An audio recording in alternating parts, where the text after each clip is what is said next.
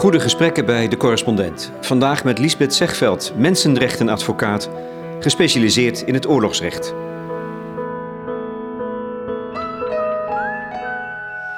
Lisbeth Zegveld, ehm, het is nu eind van de middag, tweede helft van de middag. Ehm, ben je nou ook vandaag weer zo vroeg opgestaan als altijd? Uh, half zes.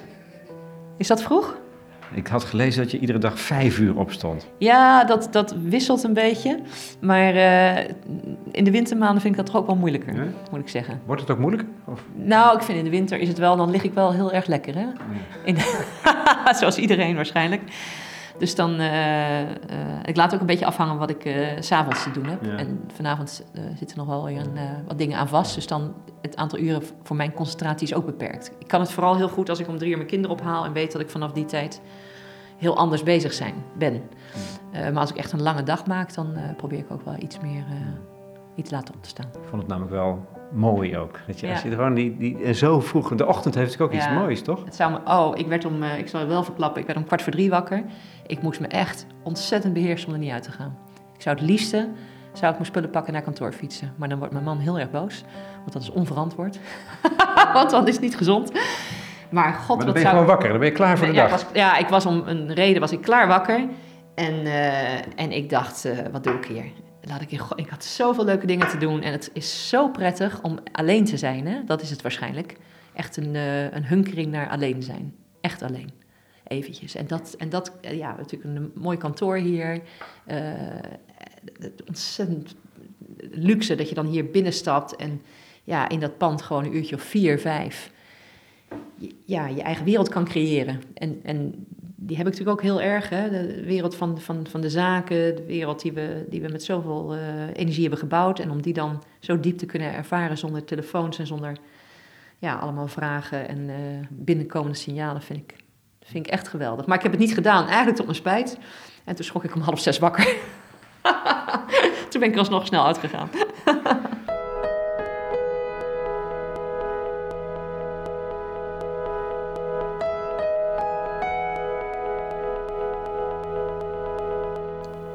paar weken geleden, op 19 november, presenteerden de ministers Hennis en Opstelt een rapport of eigenlijk een, het resultaat van een archiefonderzoek, zoals het heette, naar de afloop van de tweede Molukse kapingsactie, die van uh, 1977, waarbij zes gijzelnemers en twee gijzelaars werden doodgeschoten. Um, dat is dan even in het nieuws, één, twee dagen. Ja. We zijn nu een paar weken verder. Ja. Uh, ook omdat je het de afgelopen weken heel erg druk hebt gehad, maar misschien is dat alleen maar des te beter. Want is die zaak daarmee dan ook afgelopen? Zodra die weer uit het nieuws is of uit beeld is? Ja, nee, natuurlijk niet. We, zijn, we beginnen net. Um, het rapport is natuurlijk. Uh, ik, ik, ik, moet eerlijk bekennen dat ik het nog niet uh, elke letter gelezen heb. Ik heb het uh, diagonaal gelezen.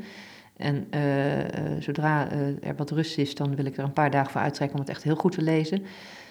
Um, maar het is heel duidelijk dat het enorm veel bevat aan, aan feitenmateriaal denk dat dat archiefonderzoek uh, uh,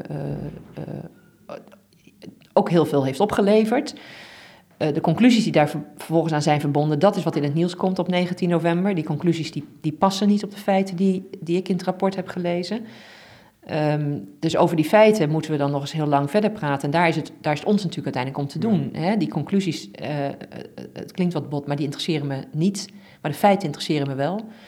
Wij hebben uh, twee weken daarvoor de aansprakelijkstelling gestuurd naar de staat en gezegd: uh, er zijn mensen geëxecuteerd. Uh, wij vinden dat de staat daarvoor verantwoordelijk is. Mogen uw reactie?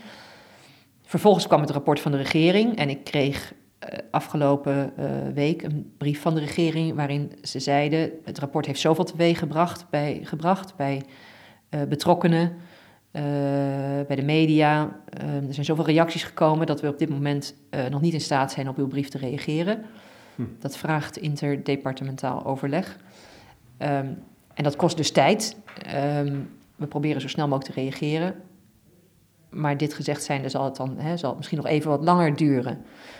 Dus daar wachten we nu op. Hadden ze gehoopt, ze had de regering gehoopt dat de kous af was? Want dat viel me eigenlijk op. De, jullie waren allebei tevreden over het rapport. Zowel de ministers als jij, zei je in de media. Ja. vanwege dat feitenmateriaal. Dan denk je van, hé, hey, en terwijl de nabestaanden, die waren eigenlijk ongelukkig Met, met wat er naar buiten kwam. Dus dat, dat vond ik wonderlijk en misschien ook wel een beetje verwarrend. Jullie waren allebei tevreden. Ja, ja. Ehm, nou, ik, ik denk dat de, de onderzoekers eh, eh, die het archief hebben bestudeerd... Uh, toch een aantal feiten naar boven hebben gehaald... die in 1977 niet zijn gepresenteerd. Namelijk? zoals de vaststelling dat er binnen de, in de trein wel degelijk door mariniers direct op mensen is geschoten en niet alleen door schutters buiten de trein. Op mensen die zich niet hebben verzet, wel te verstaan. Mensen die van dichtbij zijn beschoten. dat is natuurlijk een, een, een, feitelijke vaststelling die van enorm belang is. Ehm,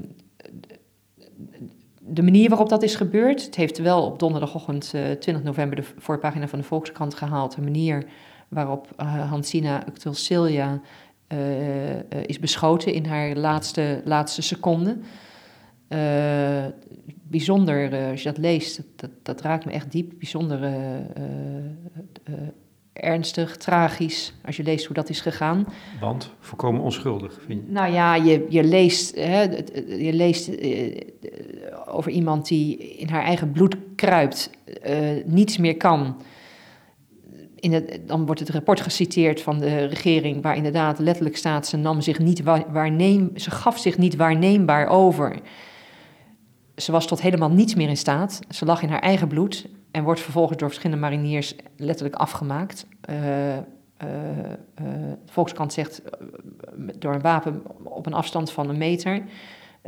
ik ga ervan uit dat het wapen gewoon tegen haar aan is gehouden.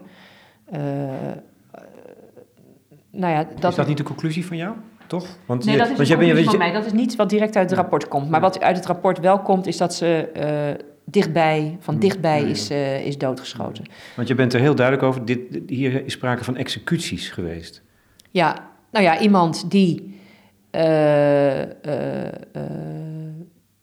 die zich niet meer kan verzetten, die is uitgeschakeld en die vervolgens wordt doodgemaakt, die wordt geëxecuteerd. Ja, dat, dat is, je kunt, iedereen raakt heel erg opgewonden van die term executie, omdat we dat kennelijk associëren met, met, met uh, uh, dictaturen, uh, in ieder geval niet met ons eigen land.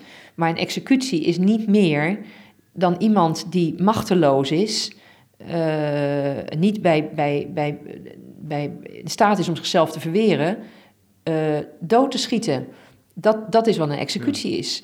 Het opzettelijk doodschieten van een ander uh, die geen verzet biedt. Dus je kunt ook die term eventjes aan de kant uh, zetten, even parkeren en uh, gewoon zeggen: het was niet nodig om deze mensen dood te schieten, je kon ze arresteren. Dan heb je het over hetzelfde. En ben je dan ook geïnteresseerd, is dat van belang voor jou, in de motieven waarom zoiets gebeurt? Hoe, hoe, dat, hoe dat kan gebeuren? nou, het helpt wel om uiteindelijk. Kijk, in, in zo'n verhaal zit natuurlijk altijd zwarte gaten, zwarte delen, of grijze delen. Je krijgt in, in, in zo'n zaak die zich dan in een beginstadium aandient, die is nooit helemaal helder, van A tot Z. Als je de motieven begrijpt, als je motieven kent, en langzaam zeker uh, leert kennen, dan kun je ook beter op een gegeven moment die gaten gaan invullen. En kun je ook beter gaan zoeken naar de, het materiaal wat je nog nodig hebt om, om precies te kunnen presenteren wat er feitelijk nou is gebeurd. Dus daar kunnen de motieven wel relevant voor zijn. Ik vind wel dat uh, voor de gevallen van Uctul Celia, uh, Hansina dus en uh, Max Papilaya het bewijs zo overweldigend is dat de motieven mij dan niet meer zoveel kunnen schelen. Dat, kan iedereen voor zichzelf wel invullen. De andere gevallen uh, zijn bevinden zich nog wat meer in een grijs gebied, wat daar nou precies is gebeurd. En dan is het eh, motief wel van belang. En dan is natuurlijk het motief van elke marinier eh, is wellicht een individueel motief geweest, maar misschien is er ook nog iets van een collectief motief geweest van de mariniers gezamenlijk. En er kan dan ook nog een motief zijn geweest van de staat natuurlijk, wat is meegegeven toen de mariniers de trein in gingen. Dus het is, niet het, het is niet het eerste waar we naar zoeken. Uiteindelijk zoeken we toch naar de feiten. Er is ook, rechters zijn ook niet primair geïnteresseerd in, in motieven. Maar het, het, het, het kleurt het natuurlijk wel en het vult wel in. Ja. En iets anders is, ehm, jij verdedigt de, de nabestaanden. Um, heb je dan ook nog, is, wat jou motiveert daarbij, ook nog de, de zaak, de Molukse zaak van die, jongens, die jongens, uh, die jongeren die die trein kaapten voor de tweede keer? Uh, engagement met hun, hun zaak? Niet in eerste instantie. Het is niet de reden waarom ik zo'n zaak oppak. Uh, de eerste reden dat ik zo'n zaak oppak is dat als ik naar deze feiten kijk, diep van binnen voel, dit moeten wij niet willen in Nederland. Zo moeten wij dit niet afhandelen. En juist niet als het zo moeilijk wordt. En natuurlijk heb ik ook sympathie voor de mensen in de passagiers. Zeer. En hè, de school die tegelijkertijd uh, bezet werd. En uh, je kind zal er zitten. Mijn eigen kind had er, had, zou er gezeten hebben. Moet je dat voorstellen dat het geval was geweest? Hoe rampzalig dat zou zijn. Um, dus, het is, dus ik, ik heb daar, ik, ik, had toen en ik heb daar nog steeds heel veel begrip voor hoe moeilijk die situatie was. Um, ik zal dus ook nooit uitspraken doen als uh, hè, de staat had geen geweld moeten inzetten bij de uh, ontzetting van die trein. Zo simpel is het nooit nee. waarschijnlijk. Nee, nee.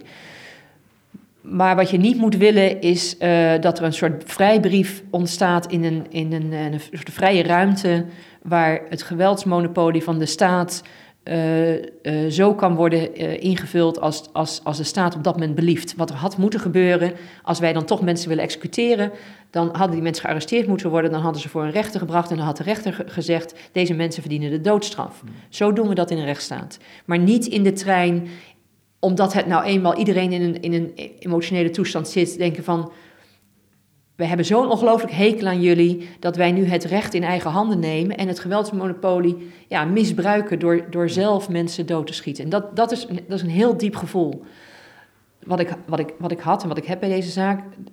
Daarnaast is het wel zo dat als ik, als ik niets met die mensen zou hebben, hè, als ik niks met cliënten heb uh, met wie je uh, uh, zo gaat samenwerken, want dat is het natuurlijk wel, dan kun je zo'n zaak niet doen. Dus nou ja, er is een verschil tussen wat je hebt met de nabestaanden en die jongens zelf. Jij was denk ik tien ongeveer toen het... Zeven. Herinner je je daar nog nee. iets van? Nee, nee, nee, nee. Ik weet wel, ik, vage beelden ja. heb ik wel, dat je, ja. dat je toch wel gebiologeerd was door wat daar in Nederland gebeurde. Ja. Daar ver weg weliswaar, nou ja, hoe ver was het voor een kind? Ik was iets ouder. Ja. Maar... Ja. Ja, nee, ik, ik, de meeste mensen om mij heen hebben wel een, een, een, een vage herinnering inderdaad aan iets wat langdurig uh, ja. gebeurde. En iedereen die aan de tv gekluisterd zat bij die ontzetting op uh, 23... Nee, 11, 11, 11 juni was de afloop, 23 ja. mei begon ja. het. Ja, maar ik, nee, ik, uh, het is aan mij voorbij gegaan. Ja. de vraag was van het verschil tussen het engagement met die, die daders toen, de jongens die gijzelden, en de, de nabestaanden. Nou ja, nou ja, kijk, nou, dat, zo, zo is het nou ook weer niet dat ik, uh, dat ik alleen maar denk vanuit nabestaanden en, uh, en slachtoffers en uh, het recht op recht. Maar um, ik kan ook nog wel me iets voorstellen bij de motieven van die kapers ook. Ik bedoel, ik heb daar niet zo moeite mee.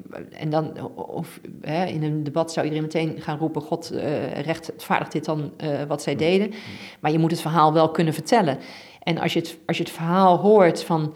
Uh, in een huis wonen als een gezin waar gewoon altijd de koffers bij de voordeur staan om morgen weg te gaan naar je thuisland. Um, kinderen die daarmee zijn opgegroeid uh, met, met, met ouders die uh, getraumatiseerd zijn over het feit dat ze nooit meer zullen terugkeren naar daar waar ze vandaan komen en hun hoop nooit in vervulling zal gaan. En kinderen die dan ook voor hun ouders op een gegeven moment dat heft in eigen hand nemen en dat dan op een verkeerde manier doen totaal verkeerde manier. Maar ik vind het, ik bedoel, je, je, zou ook, ook vreemd zijn als je niet begrijpt natuurlijk waar dit, waar dit handelen vandaan komt. Wanhoop dus. Ja. Jongens die gehandeld hebben vanuit wanhoop. En dan tegenover dan de staat die na drie weken dat geweldsmonopolie hanteert. Als je, dat is een van de dingen die ook weer zo kenmerkend is aan deze zaak. Hoe lang dat trauma doorwerkt. Ik denk dat dat typerend is voor een aantal zaken die, jij, die jij in je, in je dossier hebt zitten. Het is 35, meer dan 35 jaar geleden. Maar het is niet over, nee, nooit. Het is niet verwerkt. Nee, ik vind het ook. Ik, vond, ik vind de reacties op dit dossier.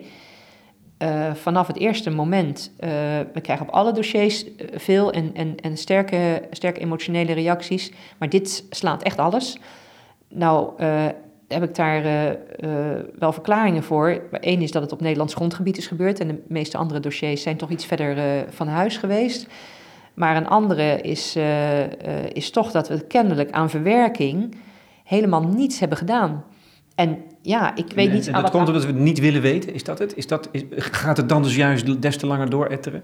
Ja, dat is nou ja, open deur De, uh, de afkeuring van wat zij toen deden, van die, die kaping, heeft denk ik gemaakt dat men daarna geen enkele behoefte had om te reflecteren op het eigen handelen. Dus ik denk dat de, dat de, de, de collectieve, dat, dat, dat de rijen zich zo hebben gesloten dat iedereen en waarschijnlijk als je in die tijd daar bewust mee bezig was, kon je ook niks anders emotioneel. Iedereen dit emotioneel zo afkeurde dat er gewoon geen ruimte bestond in het debat om daar eens kennelijk in te duiken. En ik, dat, dat is anders geweest in, nou, trouwens Nederlands-Indië is dat ook wel heel lang zo het geval geweest.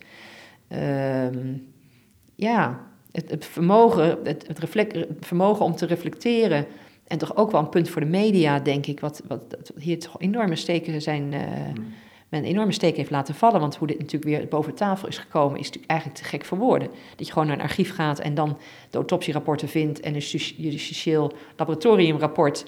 En dan, als je dat goed bestudeert, en dat, en dat heeft eh, Jan Bekkers gedaan, dan tot dit soort. Nou, vrij verhouden tot dit soort harde conclusies uh, kan komen. Ik vind dat, ik vind dat wel, wel apart in uh, media Nederland.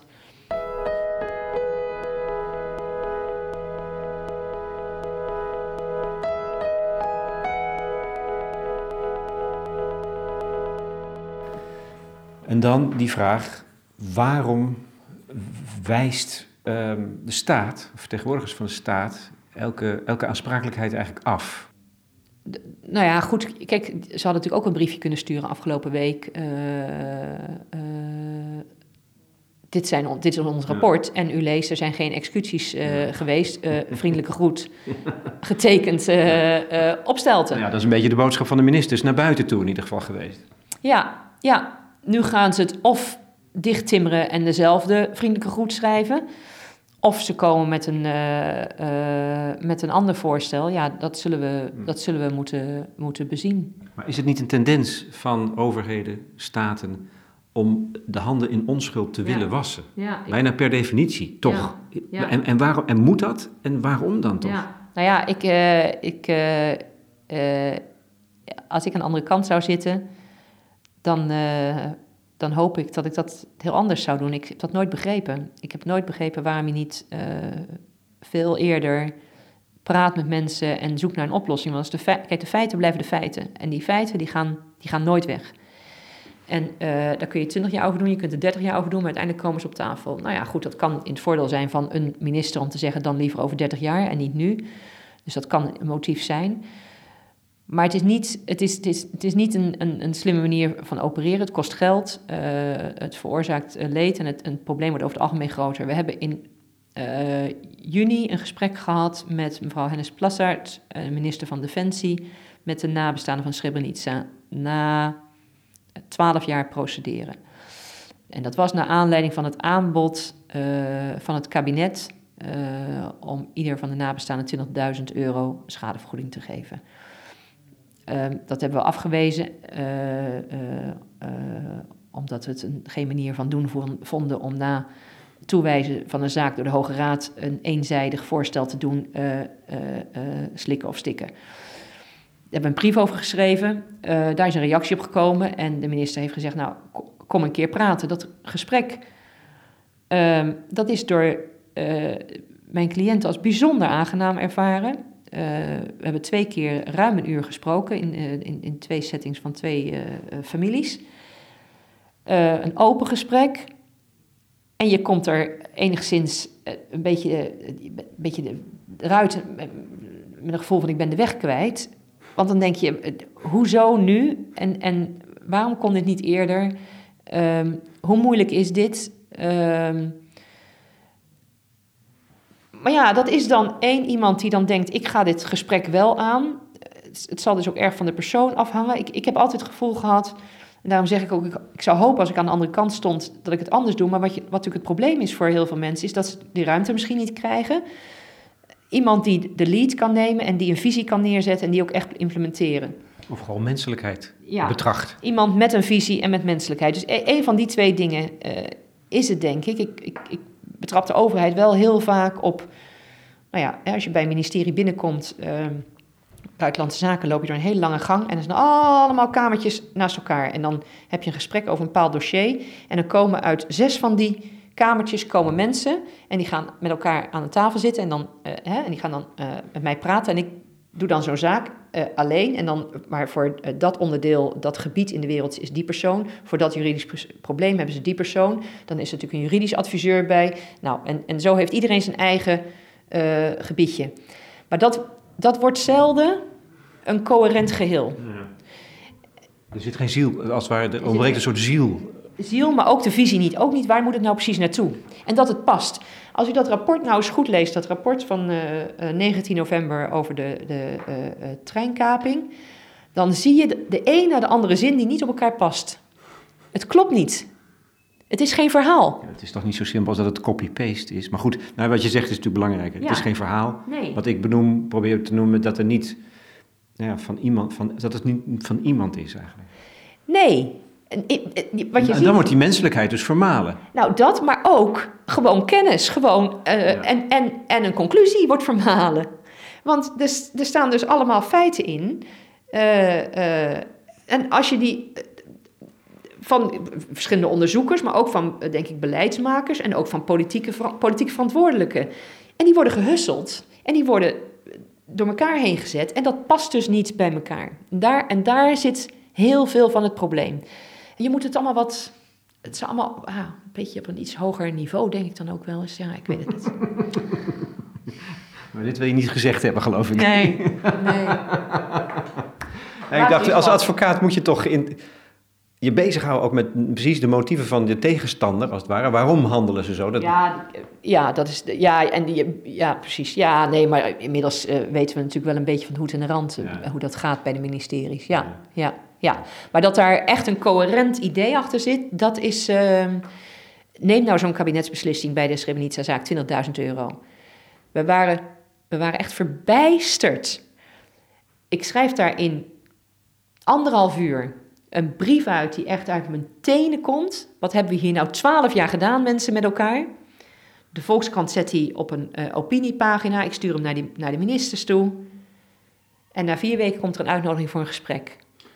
Dat is een kabinetsbeslissing geweest. Dan denk ik, is het nou niet mogelijk geweest om, om met elkaar dit moment weer even te voorkomen en de mensen weer zo opnieuw pijn te doen? Ik bedoel, het is fantastisch dat we dat gesprek hebben gehad, maar moet dat langs deze weg? En dan een kabinetsbeslissing. Dus met weet ik hoeveel ministers die zich daar dan. Is er dan niemand die dan zegt: dit is niet de weg? Nou ja, daar, daar is dus van, in dit geval van jouw kant woede voor nodig en publiciteit. Ja, dat is er ook. Maar ik, als je dus kijkt, van, kijk naar de motieven van je wederpartij, dan, dan ver- het me zo. Dat, want ze zijn dus wel de fout ingegaan. Want an- anders hoef je niet weer een gesprek te hebben. En nu zitten we weer in- opnieuw in de onderhandelingen. Dus er is iets misgegaan. Dat kunnen we concluderen. Kortom, je begrijpt het eigenlijk gewoon niet. Nee, maar goed, ik wilde ook niet. eh, Laat ik ook dat zeggen. Ik kan met heel veel van die mensen individueel. Ik heb daar geen negatieve gevoelens bij. Dat gesprek met de minister was echt. Ik heb een briefje geschreven aan, eh, aan haar dat, ik, eh, dat we ze allemaal zeer erkentelijk waren. Dat we blij zijn dat dit he- heeft plaatsgevonden. Echt, en dat echt gemeend.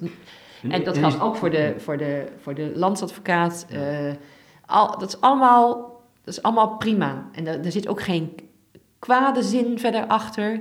Dat geloof ik ook niet, maar Maar overigens heeft dat wel, is dat daarmee dus, dus wel, eh, is die zaak daarmee wel afge- afgedaan en afgelopen? nee, want eh, na dat gesprek zijn de onderhandelingen weer open om de precieze schade goed vast te stellen. En dat is, een, eh, dat is een forse klus, dus daar ben ik nog mee bezig. En wat verwacht je nu over ehm, de, de zaak van de Molukse treinkaping en de, jouw verdediging? Wat is jouw inschatting nou? Gaat dat nou ook weer twaalf jaar duren? Want dat, dat zou dus kunnen. Ja, ehm, laten we zeggen dat ik eh, toch eerst even een inhoudelijke reactie van de regering wil afwachten voordat ik daar echt heel veel over ga zeggen. Want dat vind ik toch vind ik een beetje op de troepen vooruitlopen. Wij, wij zijn vrij, hebben vrij stevig van de toren geblazen met een heel duidelijke brief. Waar we heel duidelijk standpunt hebben ingenomen. Bij mijn beste weten gebaseerd op de feiten. Um, het rapport wat er ligt van de regering nu uh, past daar ten dele op. Uh, de conclusies passen er in ieder geval niet op. Ja, de regering zal zich moeten beraden over wat ze daar uh, nu, wat ze daarmee gaan doen, hoe ze, hoe ze, hoe ze die brief moeten beantwoorden. Um, ik kan er op dit moment, nee. kan en wil ik er eigenlijk nog niet zoveel over zeggen. Ik wil het eventjes afwachten. Ja, wat, wat is in algemene zin publiciteit voor jou, als iemand die bezig is soms tien jaar met een zaak. Hè, nu gaat dit weer lang duren, hoor je niets over, dan komt er opeens weer een bericht naar buiten. Is dat iets wat jij ook probeert te bespelen en te gebruiken juist, om, om processen te versnellen? Uh, heb je daar een soort strategie voor? Nou ja, we, hebben, we hebben contact met een, uh, met een aantal journalisten die we gewoon heel goed kennen. Uh, en die omgekeerd de zaken goed volgen. En uh, ik meld daar dingen die ik belangrijk vind. En dat wordt al dan niet opgepikt, hè, afgewogen natuurlijk te, tegen een journalistiek belang. Want dat is natuurlijk gewoon een eigen afweging die men maakt. Um, maar zonder media zouden wij deze zaak uh, niet kunnen doen. Uh, en waarschijnlijk ook niet winnen. Dat zou zomaar eens kunnen. Al was het maar omdat uh, media toch in staat is om ook tussen de bedrijven door, hè, dan heb ik het nog niet, natuurlijk niet over, over rechtszittingen en zo, maar om tussen de bedrijven door ja, druk uit te oefenen, waardoor bewijs boven tafel komt, uh, mensen te horen die dingen gaan zeggen die van belang zijn. Uh, ja, het is natuurlijk gewoon eigen, eigen ingangen en dat, uh, dat, is, dat is heel erg belangrijk. En verder is denk ik de, ja, uiteindelijk zijn natuurlijk allemaal mensen, zaken die heel lang laten we zeggen, we hebben bij die Molukse zaak bijna niemand aan onze zijde die, die vindt dat je inderdaad in, een, in, in, in die trein niet op deze wijze die mensen had mogen doden. Bijna iedereen vindt het onzin. En iedereen reageert bijna met uh, het argument, uh, ja, ze wisten toch waar ze aan begonnen. Uh, dit is nou echt een zaak, joh, dit is echt manoeuvreren op de vierkante millimeter. Is niet, is niet belangrijk genoeg om hier een punt van te maken. Um, Srebrenica ging, begon hetzelfde. Uh, nou ja, waar, maak je je druk over eigenlijk? Ja, weet je wel, onder eh, de risico's die Dutchbed uh, liep. Hm. En hè, kies je dan tegen die 400 militairen uh, voor de moslims. En we hebben toch zoveel anderen gered enzovoort. Het begon eigenlijk een beetje op dezelfde manier in de zin dat dingen uit zijn perspectief werden getrokken. Uh, niet, niet duidelijk was wat, wat precies de feiten waren, wat het probleem zat. Dus het was altijd heel erg contextueel, heel veel politiek, heel veel de, het bredere verhaal erbij, waardoor de feiten wegvielen. Ik ben ervan overtuigd dat ook dit Molukse dossier uiteindelijk uh, uh, zal gaan waar het over zal moeten gaan. en dat is, mag je mensen, wie dat ook mogen zijn, wat ze ook hebben gedaan, zomaar doodschieten. En, maar daar zijn we nog niet aan toe, maar dat, daar helpt de media ook heel erg bij. Dat is namelijk door een dossier levend te houden. Door hè, het gesprek wat wij nu voeren, uh, uh, het steeds weer je verhaal te doen. En dan niet uh, te wachten op gejuich en applaus van, van wie dan ook. En alle haatmail gewoon te parkeren in een apart mapje. en gewoon door te gaan. Ja. Maar het heeft wel een functie. Om, dat, om, het, om, het, om die wond als het ware open te houden. Ja, ja om mensen te laten nadenken om, uh, mensen gaan ook op een gegeven moment denken, als het maar lang in de media is, dan zal er ook wel een probleem zijn. Uh, ja, het heeft heel veel functies. Ja. Dus die moet je ook. Uh, zijn we dan bondgenoten of bespe ja, nou, bespeel, je, bespeel jij ons? ik, ik, zie je als een vriend. nou, ik voel me gevleid.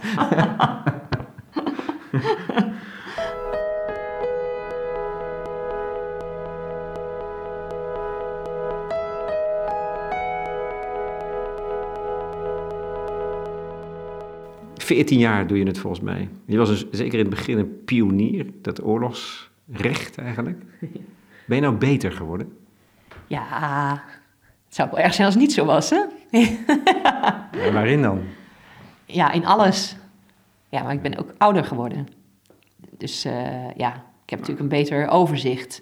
Nou ja, God, nou, ik ben natuurlijk nu die schadezaak voor die Srebrenica-zaak op orde aan het uh, uh, stellen. Dus ik zit met allemaal bonnetjes te rommelen uit 2002.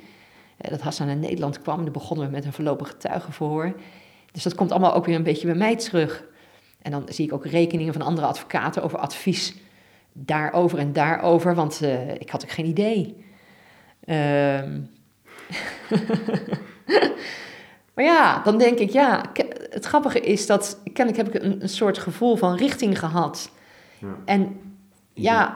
Intuïtief misschien. Ja, ja. En, en als je dan een beetje behoedzaam natuurlijk opereert, hè, als je natuurlijk vanuit je, de aard van je persoon, dat heb ik denk ik altijd wel gehad. Ik ben niet iemand die nou uh, grote stappen snel thuis en uh, in tegendeel zelfs.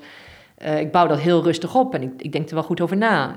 En, en die combinatie, denk ik, die hmm. heeft zelfs toen toen was ik dus, uh, wat was ik, 30, uh, wel zijn vrucht afgeworpen. Toen, toen ik weet nog Hassan Haan of iets zei van, het is wel prettig als je op een gegeven moment wat ouder wordt. Want ja, ik heb, ik heb nu een enorm belangrijke zaak. Maar ja, iedereen die ik zeg dat ik jou in de arm heb genomen, die denkt van, wat ben je, waar ben je mee bezig met haar, weet je? Dat gaat natuurlijk nooit het bijzondere is dat ik geef nu eens, eens in de zoveel tijd een interview. Heb ik dat altijd wel een beetje gedaan. Maar dat ging nooit over successen. Dat ging altijd over wat, waar ben je nou eigenlijk mee bezig? Soort Maria Theresia van het, van het, in het recht of zo. Uh, omdat niemand dit deed. En het, het wierp ook nooit zijn vruchten af. Want wij wonnen nooit wat. Want alles waar we waren begonnen, dat liep nog. En uh, 2008 was, uh, verloren we de Srebrenica zaak bij de rechtbank op niet geringe wijze. Ik geloof dat in het hele vonnis Dutchbed, het woord Dutchbed niet voorkwam. En het, ging, het ging vooral over de, over de, de Bosnische Serviërs. En de namen van cliënten kwamen er ook nauwelijks in voor. Dus het, was, het, het leek alsof we bij een andere uitspraak bij een andere zaak stonden. Het was, ik weet het nog, ik zat nooit vergeten. Wat een drama was het. Wat een drama. En dan op een gegeven moment, dan, dan trek je je een beetje terug in jezelf. En dan ga je eens na van waarom doe ik dit? En geloof ik er zelf nog in? En dan komt er zo'n overtuiging uit dat, dat dit geen recht is. En dat dit niet klopt. Uh, en dan neem je op een gegeven moment een beslissing. Het maakt niet uit, al verliezen we het nog zes keer. Maar is, is dat wat er dan gebeurt? Dat die overtuiging eerder alleen maar uh, uh, sterker is geworden? Want je kunt je ook ja. afvragen, je hebt natuurlijk zoveel, je ziet ook veel leed, hè? veel trauma's, onverwerkte dingen en, en de, de naaste kant van de mens. Je kunt ook denken van, nou, met die passie die je hebt, dat is nou wat slijt. Maar ik heb de indruk dat dat eerder het tegendeel is. Uh, nee, dat, dat slijt niet. Nee, nee. Maar ik, um, ik ben ook niet heel erg. Uh, ik ben niet zozeer een slachtoffer advocaat. Zo, zo, zo voel ik het niet. Um, het zijn toch vaak van zaken die wel complexe, in, in, in complexe situaties spelen waar het recht ook moeilijk is.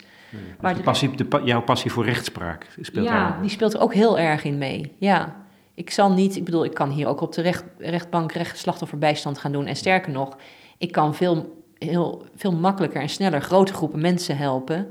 Uh, die er misschien meer aan, aan hebben. Sterker nog, je kan ook voor de schending gaan werken. En voorkomen dat die uh, gebeurt. En kijken hoeveel mensen je daarmee kan helpen.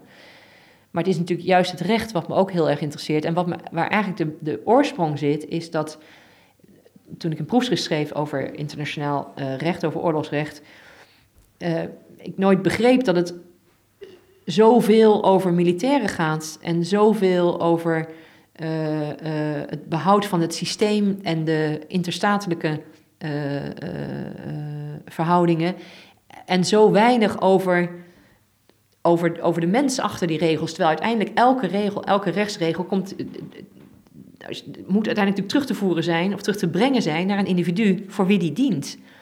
Dat hoeft niet heel simpel steeds elke keer bescherming van dat individu te zijn, maar het, moet wel, het systeem moet daarop gericht zijn. En ik, en ik kreeg op gezette tijden het gevoel dat het systeem daar helemaal niet op gericht is. Dat het systeem op hele andere dingen gericht is. Op zichzelf. Op zichzelf en op de militairen. Ja, op de missies, op het gaan van missies naar het buitenland, op het aanzien van het land, uh, op de VN En allemaal geen onbelangrijke dingen. Ik wil dat niet uh, uh, afdoen als onbelangrijk en dat moet je dan weggooien. Maar op het moment dat de individu er natuurlijk tussenuit valt, dan gooi je met het, met het kind met het badwater weg. En dat, dat is wat ik heel sterk voelde. Die gedrevenheid voor, voor die rechtspraak heeft ook daar met dat spanningsveld te maken tussen tussen dat individuele belang en ook daar waar het ophoudt of waar andere dingen in het geding worden. Dat, is iets wat nooit, waarschijnlijk nooit oplosbaar is. niet, niet nooit, nooit voor eeuwig of zo. Nee, maar in, in uh, militaire zaken is er zo ongelooflijk weinig uh, uh, ervaring nog met het toepassen van rechtsregels in dit soort spanningsvelden, waar we in het Nederlandse recht echt octrooiaanvragen tot de vierkante centimeter hebben uitgeprocedeerd, handelsrechtkwesties allerlei procedure uh, kwesties in het strafrecht. Alles is echt tien keer omgedraaid in de jurisprudentie. En dan kom je in dit soort belangrijke uh, aangelegenheden en de rechtspraak is gewoon nul. We hebben vorig, twee weken geleden, drie weken geleden, op 20 november bij het Europese Hof voor de Rechten van de Mens een hele belangrijke uitspraak uh, gewonnen. ook een zaak die we in 2006 zijn begonnen. Dat was een beetje een, post-Erik O-zaak, waar een Nederlandse militair een Irakees bij een checkpoint doodschoot. Um, en wij we hebben die dossiers ingezien en daar bleek dat de militair de Irakees 28 keer had beschoten in een auto die, die, die al wegreed van die militair. Dus hij kwam voorbij en terwijl hij duidelijk op weg was om naar een andere plek toe te gaan van de militairen af, schiet hij hem 28 keer in de auto. De, de, het slachtoffer overlijdt. Nou, dan komt er een onderzoekje maar dat, dat, dat, dat, dat blijft op allerlei punten hapert dat. Um, en de uh, processen verbaal schrijven dan uiteindelijk... Eh, hij zal wel doodgeschoten zijn door de Irakezen. Want de Nederlanders waren daar om Irakese politie op te leiden. Of de defense force van Irak. En nou, die zal hem dan wel hebben neergeschoten. Of in ieder geval reageerde deze Nederlandse militair op die Irakezen... en reageerde dus uit zelfdefense. Het slachtoffer zelf had geen wapen, dat is vastgesteld nou ja, goed, een beetje een complex dossier. Um, dan gaan we naar de militaire kamer hier in Arnhem en dan zeggen ja, eh, putatief noodweer excess van deze militair. Hij schiet te veel en hij schiet in de verkeerde veronderstelling dat hij werd beschoten. Want beide, hè, dus dat is een probleem. Moet je nou door een openbaar ministerie dat laten vaststellen? Moet daar niet de rechter naar kijken? Nou ja, allemaal post-Erik O, allemaal trauma ook van het OM. We gaan er niet nog een keer aan beginnen, dus die zaak die, uh, dat wordt afgewezen. En dan ga je naar het Europese Hof voor de Rechten van de Mens en krijg je een Grand Chamber, zitting erbij uh, eh, 17 rechters die unaniem Nederland veroordelen uh, wegens gebrekkig onderzoek in Irak. Met als belangrijkste onderdeel de getuigenverklaringen van de Irakese defense, van de Irakese politie. Die zijn allemaal uit het dossier gehouden. Eh, we herhaaldelijk om gevraagd, worden niet verstrekt. Nou, ehm, dat soort. En, dan denk ik, wat is dat nou in Irak? Er zijn nu weer een paar nieuwe dossiers waar we naar aan het kijken zijn. Uh, natuurlijk is het allemaal heel lastig daar. En kun je niet makkelijk in de schoenen van de militairen staan. Maar je moet natuurlijk wel, als er geen enkele check is en je denkt, uh, daar kan het gewoon wel, er is toch ook verder niemand die meekijkt, dan is natuurlijk dat, dat hele systeem wordt dan natuurlijk uit zijn voegen gerukt. Dat is het probleem. En, en dat zegt men, ik bedoel, in Arnhem zegt men ook wel van, nou, iemand kijkt er in ieder geval naar, dat ben jij dan, gelukkig. Uh, om een soort checks en balances. Dat, dat, is, dat is eigenlijk wat me het meeste bezighoudt. Kunnen we daar gewoon normaal met elkaar over praten? Maar dat is ook een project, je bent het als het ware aan het opbouwen. Die, die, die, ja, Dat juridisch inzicht, als het ware, ook voor de lange termijn. Ja, ja, ja ook uh, wat mij betreft uh, in, het, in het voordeel van het rechtssysteem zelf. Ter, ter behoud van het rechtssysteem. Want anders moet je het een soort... Uh, uh, code of conduct noemen voor de militairen. Dit zijn jullie gedragsregels die je meeneemt, maar noem het geen recht. Want recht moet gehandhaafd worden. Als niemand bereid is het te handhaven, dan moet je het geen recht noemen.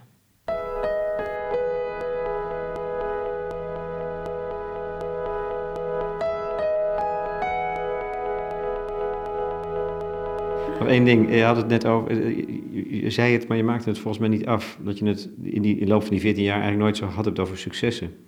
Ja. Uh, uh, maar zijn er grote overwinningen in, die, in, die, in, de, in de loop van die 14, 15 jaar?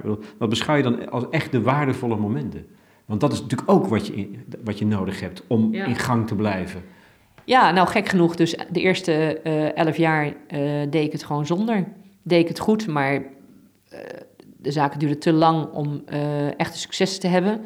Goede cliënten eh, bleven. Er kwamen nieuwe zaken. Eh, we waren met zinvolle dingen bezig om dat procederen over waarheid, vinding en eh, eh, voor de nabestaanden op zich al heel relevant is. Dus dat, dat, was, dat gaf zin. Maar voor de buitenwereld was er geen, waren geen eclatante overwinningen. Tot 2011, hè, tot 5 juli 2011, waar het Hof eh, in de Srebrenica-zaken eh, eh, de slachtoffers in het gelijk stelde. Dat was de eerste keer en sindsdien is het niet meer opgehouden met de successen op de een of andere manier. Ja, dus moet- ik denk juist in die tijd daarvoor dat, dat, dat toch wel rotsvaste geloof in het belang van wat je doet, zich toen juist heeft bewezen. En het, dat ook wel goed is. Dat, dat niet hè, meteen vanaf jaar één of twee eh, dit soort ontzettende successen binnen zouden rollen, omdat de issues die je aansnijdt zo groot zijn. En eh, om ze echt goed boven water te krijgen, dan, dan, dan je, je, moet, je moet die diepere laag hebben. En dat, en dat, dat vergt gewoon die tijd. Je bent vast een van de meest geduldige mensen die ik ooit ontmoet heb. On the contrary. nee. nee, helemaal niet. Nee. Het enige wat ik altijd als slechte eigenschap naar mijn kinderen eh, ruiterlijk toegeef. Ja? Mijn ongeduld, ja. ja. Dat snap ik dan even niet. Als je zo lang kunt Ja. doorwerken in het geloof, dan, dan moet er toch juist daaronder een diepe vorm van geduld zitten. Anders snap ik het niet. Nou, meer vasthoudendheid, denk ik. En volharden, vol, volharding. Dat is iets anders dan geduld. Geduld is hier en nu eh, eh, in de dagelijkse omgang. En volharding en vasthoudendheid is over de jaren heen, denk ik.